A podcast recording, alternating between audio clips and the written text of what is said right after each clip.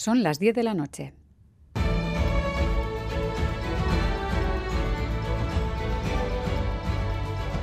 Radio Euskadi y Radio Vitoria.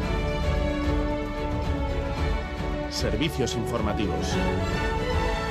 Repasamos los titulares de la jornada con John Fernández Mur, Gabón. Gabón, Miriam, noticias de este lunes 23 de octubre en el que PSOE y Sumar ultiman los detalles de su acuerdo de gobierno. Quedará por ver si Pedro Sánchez logra ser investido con el apoyo de las fuerzas nacionalistas e independentistas, pero los hasta ahora socios del Ejecutivo están cerca de cerrar un nuevo pacto de gobierno. Fuentes cercanas a la negociación hablan de acuerdo inminente, pero se está haciendo derrogar. Parece que finalmente eh, será mañana cuando lo presenten. Los últimos flecos podrían estar en la reducción de la jornada jornada laboral que propone Sumar. A dos días de la primera huelga en el sector público, el Endacari ha vuelto a criticar lo que denomina como estrategia populista e irresponsable de los sindicatos. En un artículo publicado en el grupo Noticias Urcuyu denuncia la actitud irresponsable de quien presenta una imagen catastrofista de Euskadi. Cree que no es legítimo engañar a la gente. Reflexión que apoyaba aquí en Boulevard su portavoz, Vingen Zupiria. ¿Usted ve relación entre estas huelgas y las elecciones vascas? Sí, yo creo que no hay más que hacer un repaso al calendario de huelgas hasta mayo del año que viene y ahí se ve que hay un interés concreto y muy cierto de algunas organizaciones en que haya una movilización social permanente, hacer pensar a la gente que esto es un caos.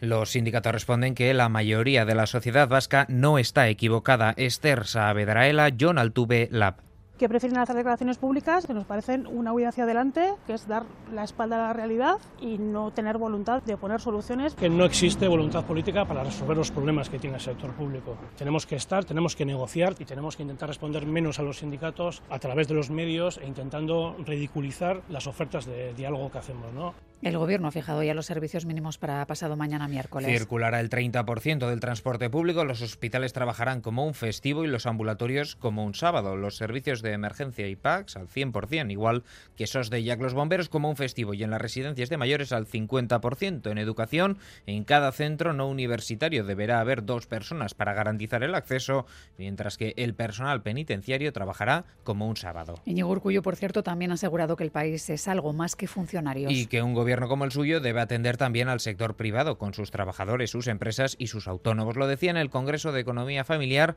en el que ha mostrado su respaldo a quienes emprenden.